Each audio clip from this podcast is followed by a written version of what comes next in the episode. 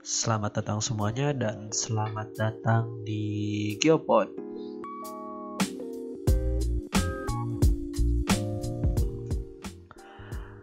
Halo semuanya, kembali lagi dengan gua Yudi Gantira dan kembali lagi dengan book review. Di episode podcast kali ini kita bakal ngobrolin tentang buku yang klasik banget, buku yang jadul banget dan buku yang menjelaskan tentang hal yang sering kita hadapi di kehidupan kita juga. Itu tentang cinta. Buku yang akan gue review adalah judulnya Simposium dari Plato. Sedikit tentang buku ini. Jadi bukunya itu punya plot yang simple banget. Jadi ceritanya tentang tujuh orang yang mereka tuh ngumpul mereka tuh makan bareng dan masing-masing tujuh orang itu diminta untuk ngasih speech. Yang ngasih pandangan mereka tentang cinta Nah ada tujuh orang yang masuk dalam buku ini, cuman gua nggak akan jelasin tokoh-tokohnya. Gua cuma ngejelasin nama, ngasih tahu nama-namanya aja dan nanti kita bakal ngebahas tentang apa yang mereka omongin di, pada saat mereka ngasih speech ini. Pertama ada Phaedrus, yang kedua ada Pausanias, yang ketiga ada Symmachus, yang keempat ada Aristophanes, yang kelima ada Agathon, yang keenam ada Socrates, dan yang ketujuh ada Alcibiades. Nah, ceritanya itu dimulai dari Agaton yang lagi ngerayain kemenangannya gitu. Gara-gara dia menang dari sebuah kompetisi lalu terus dia pas lagi makan-makan untuk ngerayain ini nantangin buat masing-masing orang yang datang untuk coba ngasih pandangannya tentang Eros. Eros ini adalah dewa of love and sex. Nah, Phaedrus yang pertama mulai. Phaedrus mulai dengan menceritakan bahwa Eros itu adalah sosok dewa yang paling tua dan dewa yang paling sering atau intens ngepromosiin virtunya ke manusia. Terus Virus cerita kalau cinta itu adalah hal yang paling kuat dalam membantu manusia mendapatkan honornya. Harga diri ya, pride-nya. Virus nggak cerita panjang lebar. Setelah itu Virus selesai dan Mickey dikasih ke Pausanias. Nah, kalau Pausanias ini ngejelasin tentang bedanya cinta yang biasa dan cinta yang mulia. Nah, kalau cinta yang biasa itu adalah cinta yang punya tujuan untuk mencari kepuasan seksual. Pausanias bilang kalau faktor yang dilihat dalam mencari pasangan ya untuk orang-orang yang punya cinta yang biasa adalah hal-hal yang bisa memuaskan kebutuhan seksualnya. Misalkan kayak fisiknya, uh, body shape-nya, uh, traits-traits tertentu yang mungkin dia suka secara pribadi ya kita kan nggak tahu juga kan. Ada orang-orang yang suka sama apa ada orang-orang yang suka sama body shape tertentu ada orang-orang yang suka dengan sikap tertentu ada orang yang suka ya dan halnya tapi yang intinya adalah dia mencari itu untuk memenuhi kebutuhan seksualnya. Nah, kalau cinta yang mulia atau cinta yang noble itu cinta yang memang ada karena dia kagum akan kecerdasan dan kebijaksanaan dari pasangannya. Jadi cinta ini tuh ada dengan tujuan untuk bisa ngebangun hubungan jangka panjang dan hubungan yang produktif. Hubungan, nah definisi produktif di sini, uh, pausannya itu bilang kalau punya cinta yang mulia itu cinta yang di mana kita bisa membuat diri kita dan orang lain jadi jauh lebih dekat dengan kondisi ideal yang masing-masing mereka inginkan. Mungkin kalau contoh kayak misalkan uh, gue adalah mahasiswa, terus gue pengen punya P4 misalkan di semester depan. Nah, kalau cinta yang mulia adalah cinta yang uh, akan ngasih support ke gue, di mana gue akan bisa mendapatkan IP 4 itu atau lebih dekat, dekat dari uh, posisi gue sebelumnya yaitu sekarang waktu gue belum punya cinta yang mulia ini. Terus sedangkan kalau cinta yang biasa ya cintanya pure karena sexuals. Kayak misalkan oh dia ganteng oh dia cantik. Oh dia rambutnya panjang dan seterusnya gitu. Atau atau oh suara dia lucu atau gimana. Nah udah beres dari Pausanias kita pindah ke Erik Symmachus. Nah, Erik Simakus juga ini sebenarnya singkat banget karena dia ini backgroundnya adalah dokter. Mungkin du, apa dulu dulu nyebutnya dokter nggak ya? Tapi dia ya intinya dia orang yang suka kayak tabib lah. Tabib yang yang bisa nyembuhin orang lain. Nah Erik Simakus ini ngejelasin kalau cinta itu ngefek ke semua yang ada di dunia kita. Dan ketika kita sudah mendapatkan cinta itu harus dipertahankan. Nah terus uh, karena dia background dia dokter Erik Simakus tuh ngejelasin kalau ada dua jenis cinta ada yang cinta yang sehat ada cinta yang tidak sehat nah cinta yang sehat ini capable untuk bisa nyembuhin, bisa nyimbangin dan jadi sumber kebahagiaan kita. Kalau cinta yang gak sehat ya sebaliknya gitu. Jadi yang gue tangkap ini Erik Simakus berusaha ngejelasin uh, indikator cinta yang sehat atau gak sehat. Kalau lo nggak sembuh dari penyakit-penyakit masa lalu, gak, ini nggak selalu penyakit fisik ya, misalkan kayak penyakit uh, emosional, penyakit psikologis dan seterusnya, bisa nyimbangin gaya hidup lo juga dan bisa menjadi sumber kebahagiaan lo berarti itu adalah cinta yang sehat. Sedangkan kalau nggak bisa memenuhi kriteria kita ini termasuk cinta yang tidak sehat. Gitu.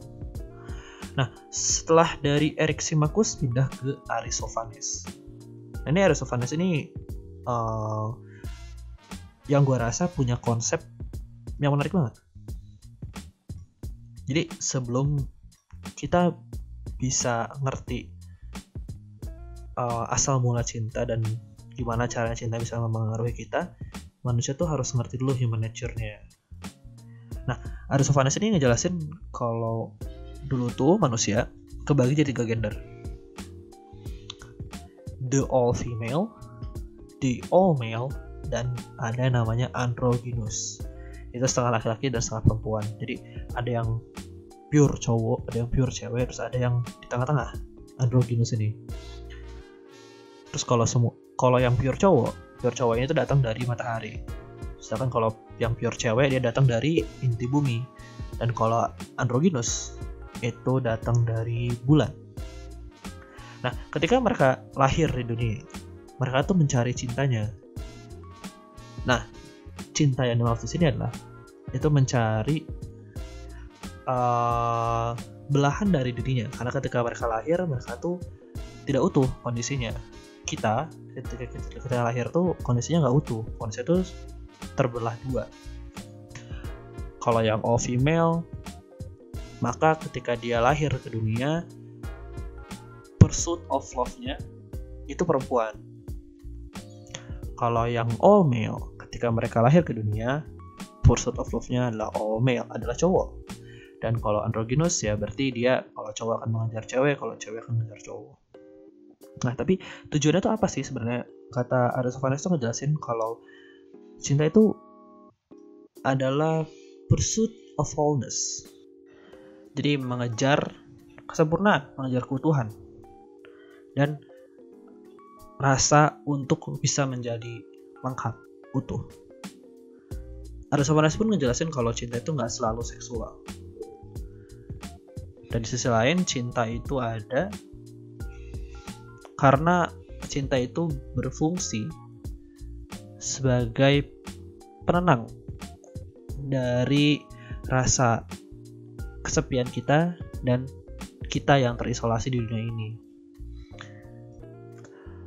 Nah, sampai situ aja penjelasan dari Aristophanes. Habis itu kita pindah ke Agaton. Nah, si Agaton ini dia punya pidatonya pun relatif singkat uh, intinya adalah dari yang Agaton Agaton itu ngejelasin kalau cinta yang ideal itu memberikan keadilan, ngasih keadilan, ngasih keberanian dan ngasih kebijaksanaan di pasangannya. Jadi Agaton ini ngejelasin kalau kalau misalkan ketika kita punya pasangan dan di hubungannya kita tidak merasakan keadilan, tidak membuat kita menjadi lebih berani mengejar apa yang kita kejar selama ini, tidak membuat kita lebih bijak dalam membuat keputusan dan menghadapi masalah yang kita hadapi di dunia ini, maka itu mungkin bukan cinta. Mungkin itu adalah cinta yang biasa saja, bukan cinta yang noble. Gitu. Dan Angkatan pun ngejelasin kalau cinta itu indah. Jadi ketika kamu di sini nggak ngerasain indah, maka ya itu mungkin juga bukan cinta gitu. Nah, setelah dari Agaton kita pindah ke Socrates, pemeran utama di buku ini. nah, eh, pertama Socrates ini ngelakuin diskusi sama Agaton. Socrates nanya, rasional nggak kalau misalkan ada orang yang dia tuh pengen sesuatu yang sebenarnya udah dia punya contohnya aku sehat aku pengen sehat beda ya bukan bukan aku sehat aku ingin selalu sehat tapi aku sekarang lagi sehat tapi aku pengen sehat. Dan Agaton sama Socrates setuju kalau misalkan itu nggak rasional. Di sisi lain uh, berarti kalau misalkan ada orang yang pengen cinta berarti dia nggak punya cinta. Dan dan artinya juga kalau orang udah punya cinta maka dia nggak akan nyari nggak akan nyari cinta nah kalau misalkan tadi di speaker speaker sebelumnya uh, mereka ngejelasin kalau cinta ini adalah sebuah Tuhan atau sebuah dewa soal sini dia ngejelasin diskusi dia sama tokoh yang lain namanya Diotima Nah, di Ultima ini ngejelasin kalau cinta itu sebenarnya bukan dewa, tapi dia itu adalah spirit antara manusia dan dewa. Kalau yang tadi ada yang bilang cinta itu indah, ada yang bilang cinta itu uh, meningkatkan kebijaksanaan dan seterusnya.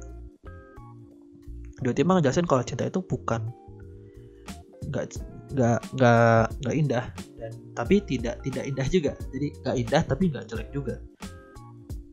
Nggak baik tapi nggak buruk juga. Jadi cinta itu ada ada di titik tengah antara kedua itu cinta cinta juga. Itu di titik tengah antara kebijaksanaan wisdom dan kebodohan atau ignorance. Jadi ketika kita punya cinta itu artinya kita mengerti cukup baik tentang kebodohan yang selama ini kita punya dan berusaha untuk menanggulanginya. Jadi kalau misalkan uh, cinta yang dianggap ideal oleh Diotima itu cinta yang di mana kita bisa menanggulangi berusaha nyelesain masalah-masalah yang kita punya diskusi antara Diotima sama Socrates selanjutnya ngejelasin tentang pandangan yang salah yang dimiliki sama Socrates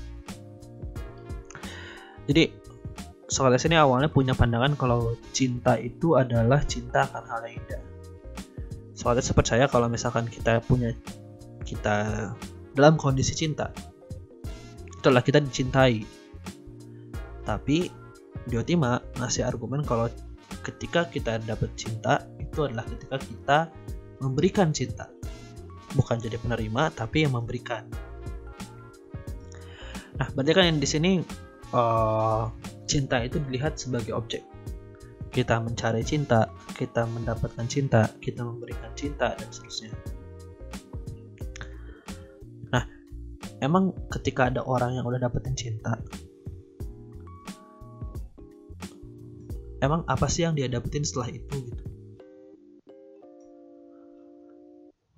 Karena kan kalau misalkan berdasarkan diskusi Socrates sama Agaton, mereka udah setuju kalau ketika ada orang yang udah dapat sesuatu mereka akan nggak akan nyari itu lagi ketika kita udah dapat kuliah kita nggak akan nyari kuliah lagi misalkan nah Socrates selalu ngejawab kalau misalkan kita udah dapet cinta maka kita akan mendapatkan atau mencari kebahagiaan karena definisi bahagia adalah ketika kita mendapatkan atau memiliki hal-hal yang baik Nah, setelah itu kalau misalkan emang love cinta ini adalah objek yang kita cari, yang kita dapetin, yang kita inginkan. Apa tandanya atau ciri-ciri yang muncul untuk orang-orang yang udah punya cinta?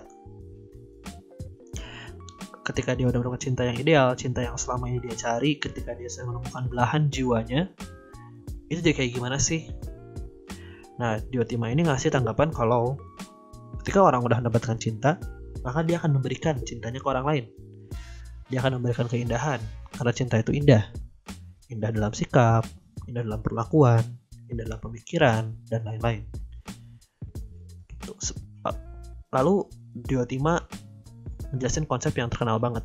Itu namanya Diotima Ladder of Love. Jadi Diotima ngejelasin ada enam tahapan atau enam level orang melihat uh, objek yang dilihat sama orang ketika dia mendefinisikan cinta. Nah, level yang pertama, level yang paling rendah ini adalah level di mana orang cinta sama orang lain karena dia melihat badan orang tersebut dan dia merasa badan tersebut itu indah. Lalu di tangga yang kedua, ketika menyadari kalau semua badan itu punya keindahannya masing-masing, lalu dia mencintai seseorang karena badannya indah mengikuti standar keindahan. Jadi kalau di level 1 gue lihat oh si A cantik. Oke okay, gue baca gue mau mau mendapatkan cinta dia. Tapi pas di level 2 oh si A tuh cantik begini si B tuh cantik begini si C itu cantik begini nanti gue akan mendapatkan oh ternyata kita tuh punya standar kecantikan. Gue tuh punya standar kecantikan definisi gue sendiri. Dan dia akan mencari satu pasangan berdasarkan standar kecantikan itu. Jadi bukan spesifik satu orang tapi jadi kayak umum gitu. Di level 2 nah sekarang kita masuk ke dalam level 3 kalau yang di level 3 ini manusia tuh mulai nyadar kalau misalkan badan tuh sifatnya sementara. Orang yang uh, cantik atau ganteng karena fisiknya itu mungkin cuma terjadi ketika dia masih muda. Ketika sudah mulai menua lama kelamaan badannya tidak indah lagi nggak kayak dulu dan seterusnya. Nah akhirnya si orang ini mulai sadar kalau misalkan uh, keindahan manusia itu nggak cuma dilihat dari badan doang tapi dari jiwanya. Dari sifat yang dimilikinya Nah, itu masuk dalam kategori level 3 di mana orang melihat orang lain menjadi potensi pasangan itu dari jiwa yang dimilikinya. Setelah itu kita pindah ke yang level 4. Kalau yang level 4 ini adalah ketika dia udah nyadar kalau jiwa itu indah, dia juga ngeliat kalau jiwa keindahan jiwa itu terpancarkan lewat aktivitas yang dilakuin, kebijakan yang dia buat, dan sikap-sikap yang dia lakukan ketika dia menghadapi berbagai banyak masalah atau situasi. Nah, di level 4 ini orang udah mulai pure ngelihat orang lain itu karena sikap dan jiwanya aja. Dia udah nggak peduliin badannya lagi. Di level 5 sekarang orang udah uh, tadi di level 4 kan kita udah ngebahas di mana orang melihat orang lain karena sikapnya.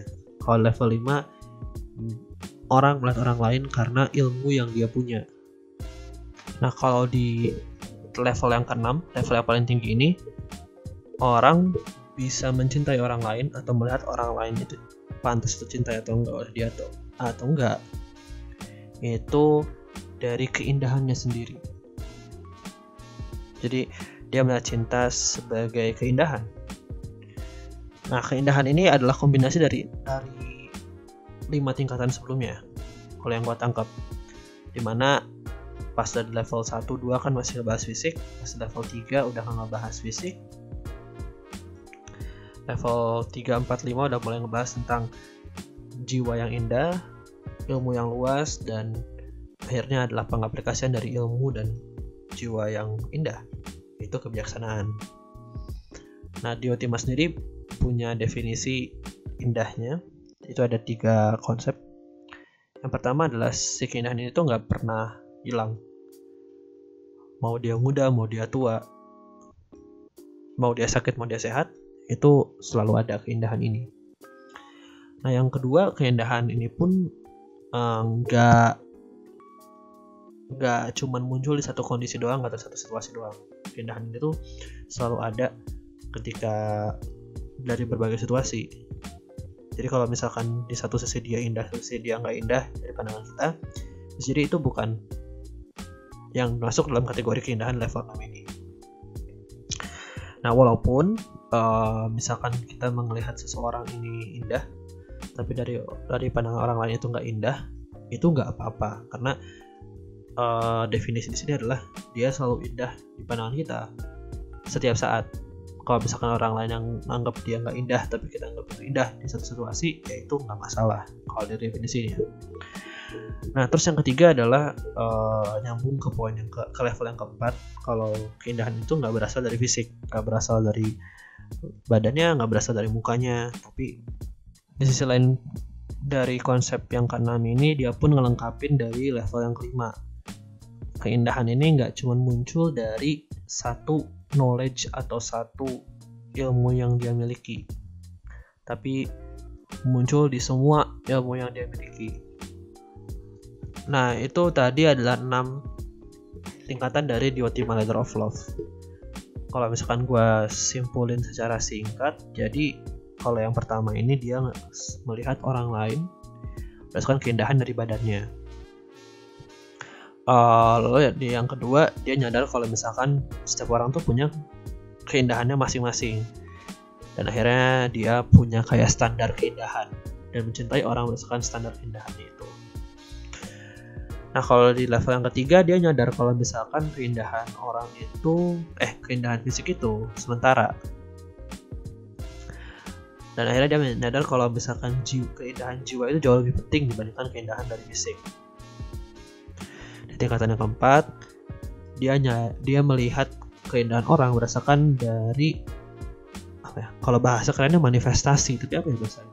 Uh, ya manifestasi dari jiwa yang indah yaitu perlak uh, sikapnya sifatnya perlakuan dia aktivitas dia ketika misalkan dia pemimpin kebijakan apa yang dia buat dan seterusnya nah di level yang kelima itu dia nyadar kalau jiwa yang indah bisa jadi naif atau lugu dan akhirnya dia bisa melihat keindahan seseorang berdasarkan jiwa yang indah dan ilmu yang luas yang dia punya. Nah kalau di level yang keenam uh, dia udah mah punya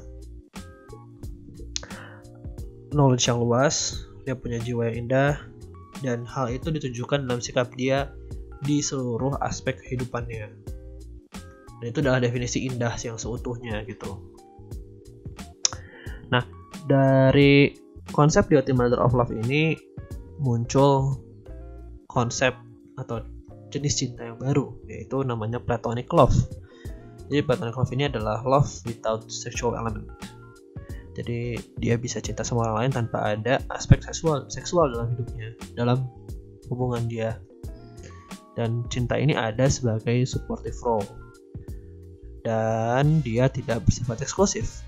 Jadi mirip kayak open relationship gitu. Nah, ada banyak orang yang sekarang udah mulai menggunakan ini sebagai konsep dia untuk mencintai orang lain dan ada orang juga yang enggak.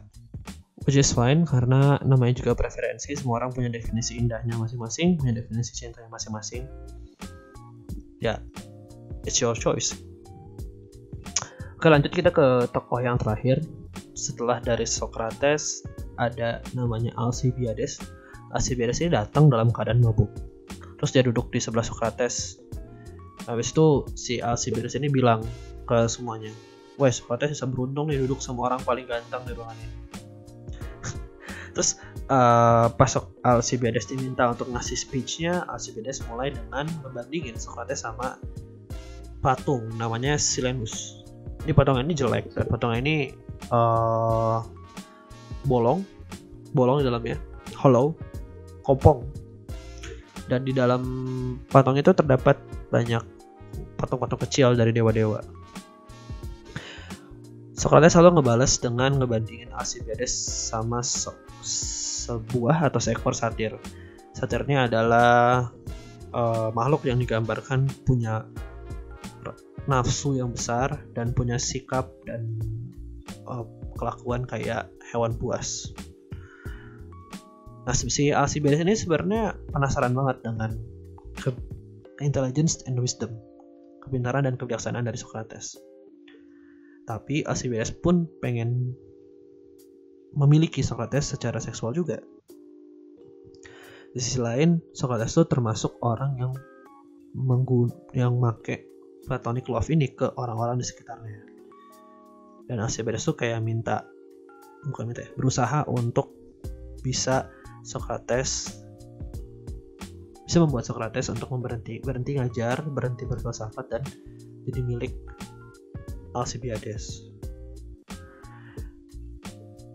Nah, hmm, Alcibiades intinya kayak gitu sih kalau Alcibiades dia nggak ngejelasin banyak tapi dia lebih ke boosting. Nah sekarang gue bakal mau coba nge-review yang gue anggap yang gue tangkap dari buku ini. Nah kalau yang pertama uh, asal mulanya love dari definisi Socrates di mana love itu adalah spirit antara manusia dan dewa. Jadi ingat konsep uh, Jung present self dan ideal self di mana jadi uh, yang gue inget tuh jadi Jung tuh punya dua kon dua definisi terhadap diri manusia. Ada yang present self dari kita sekarang dan ideal self yang kita define sendiri. Kita definisi diri kita ideal itu seperti apa dan jadi kita ada punya dua itu tuh. Dan uh, si ideal self ini biasanya menjadi uh, judgmental father atau menjadi konsep yang akan selalu ngejudge semua perbuatan kita. Misalkan gue ini orang yang uh, gue menganggap diri gue adalah orang yang soleh misalkan ideal self gue adalah orang yang soleh Yodi adalah orang yang soleh nah uh, ketika gue nggak sholat uh, gue akan merasa bersalah. Kenapa? Karena ada jarak antara ideal self gue, yaitu orang yang soleh, dan present self gue, yaitu yang gak soleh. Nah, uh, ketika Socrates bilang kalau love itu adalah uh, makhluk antara manusia dan dewa, gue ngelihat kalau ma manusia ini adalah maksudnya adalah present self dan dewa ini adalah ideal self kita. Jadi cinta ini adalah perantara kita untuk menjadi diri kita yang paling ideal poin kedua dari review gue adalah gue mau nge-highlight bagian yang diskusi antara Socrates sama Agaton di mana Socrates nanya kalau apakah itu rasional kalau misalkan ada orang yang pengen sesuatu yang dia punya? Terus Agaton sama Socrates setuju kalau itu nggak rasional dan gue juga ngerasa bisa kita reflect ke selama ini yang kita kejar dan kita kejar. Karena kalau dari buku ini kan definisi uh, apa yang kita mau adalah apa yang kita nggak miliki. Ya itu ya ya itu common sense. Tapi gue reflect ke selama ini buku yang gue baca atau uh, topik yang gue cari tahu gue rasa bisa gue simpulin kalau buku-buku yang gue baca adalah proses pencarian gue untuk mendapatkan yang apa yang selama ini gak gue dapetin. Kayak misalkan uh, gue baca buku tentang how to be happy misalkan. Bisa jadi karena selama ini gue nggak happy dalam hidup gitu. Nah mungkin itu bisa jadi konsep yang bisa kita refleksiin kayak kenapa sih lu selama ini berminat akan hal ini? Kenapa sih lu senang sama A lu senang sama B dan seterusnya? Dan kenapa lu mengejar itu? Karena kalau ada sekarang buku ini kita kita mengejar sesuatu itu berarti kita tidak memilikinya. Poin ketiga yang mau gue review adalah uh, penjelasan Diotima tentang cinta. Kalau cinta itu selalu pencarian tentang keindahan. Jadi dia selalu mencari hal yang indah selalu mencari hal yang baik kalau kita sedang mencari cinta. Gak ada yang sebenarnya mencari keburukan atau mencari kejahatan misalkan atau menginginkan ke keburukan di dirinya. Tapi banyak orang yang meng, uh, memiliki cara yang beda untuk mendapatkan apa yang menurut dia baik. Misalkan kayak orang pengen dapat makan dia bisa beli bisa mencuri gitu. Itu itu paling dasar. Tapi dari situ muncul kayak uh, pertanyaan kayak apa sih definisi baik dan apa sih definisi buruk apa sih definisi baik dan apa sih definisi jahat misalkan? Nah kalau pendapat gue nah uh, gue lupa sih dari siapa tapi ya, yang gue tahu definisi baik itu adalah ketika emang kita desires the good ingin menginginkan kebaikan dalam diri kita. Caranya seperti apa itu tidak menjadi justifikasi atau membenarkan kalau kita tuh jahat misalkan. Kayak aku pengen makan tapi nggak punya uang akhirnya aku nyuri aku menurut aku menurut gua tindakan mencuri itu bukan berarti dia jahat tapi itulah cara dia untuk mendapatkan apa yang baik buat dia Nah, konsep ini sebenarnya bisa dielaborasiin ke banyak hal. Kayak misalkan cara dia menghadapi masalah tentang cinta, masalah dia tentang ya masalah apa pun lah yang dihadapi oleh orang gitu. jadi gue melihat kalau orang jahat ketika dia emang berniat untuk melakukan kejahatan misalkan dia pengen jatuhin orang dia pengen ngebikin orang jelek misalkan. Atau dia pengen um, meraup keuntungan sebesar besarnya ya itu nggak nggak tahu saja atau atau enggak tapi ya you get the point lah. Nah terus poin yang keempat yang mau gue bahas adalah gue penasaran kenapa Alcibiades ini masuk ke dalam buku simposium. Karena uh, dia kayak merusak suasana gitu kan kalau misalkan bisa digambar dalam bentuk grafik kali ya dari awal sampai ke bagian Socrates tuh selalu naik gitu. Naik naik naik. Jadi selalu uh, jadi Socrates tuh kayak merangkum semuanya. Terus tiba-tiba datang Alcibiades yang ngasih speech yang ya gitu bener-bener jauh kebalikannya banget dari Socrates. Lalu gue nemuin uh, paper yang ngejelasin semuanya analisis uh, dari buku simposium ini dari dokter David Nogel. Nah, uh, gue bakal ngejelasin pandangan dia, de, analisis dia di konsep Alcibiades ini. Jadi Alcibiades ini tuh sebagai uh, sebenarnya penting peran Alcibiades di buku ini karena dia menjadi uh, revelation kayak oh ada Socrates yang di satu sisi seperti ini, ada Alcibiades yang benar-benar kebalikannya di sisi yang lain. Yang mereka jadi uh, Alcibiades dan Socrates ini menjadi dua sisi koin yang berbeda gitu. Nah, Alcibiades ini orang yang ganteng. Dia menganggap diri dia tuh paling ganteng. Dan uh, Alcibiades ini penuh dengan pride. Dan dia tuh orangnya sombong selalu berusaha sensual maksudnya omongan dia selalu sensual tapi nggak bisa dipungkiri juga kalau emang dia tuh good looking dia itu emang pintar dan dia itu uh, sangat percaya diri kebalikan banget dengan dia kalau dibandingin sama Socrates nah yang gue tangkap uh, analisisnya Dr. David Toggle di, di paper ini tuh dia ngejelasin kalau Alcibiades dan Socrates ini tuh kayak dua sisi ekstrim yang berbeda. Uh, Alcibiades itu punya banyak masalah. Alcibiades ini bahkan dianggap cintanya itu masih di level 0, nggak nyampe level 1. Enggak, uh, di level 1 tapi nggak pernah sampai ke level 2 karena dia melihat keindahan orang itu cuman Socrates doang. Dia dia menganggap orang yang indah itu cuma Socrates doang.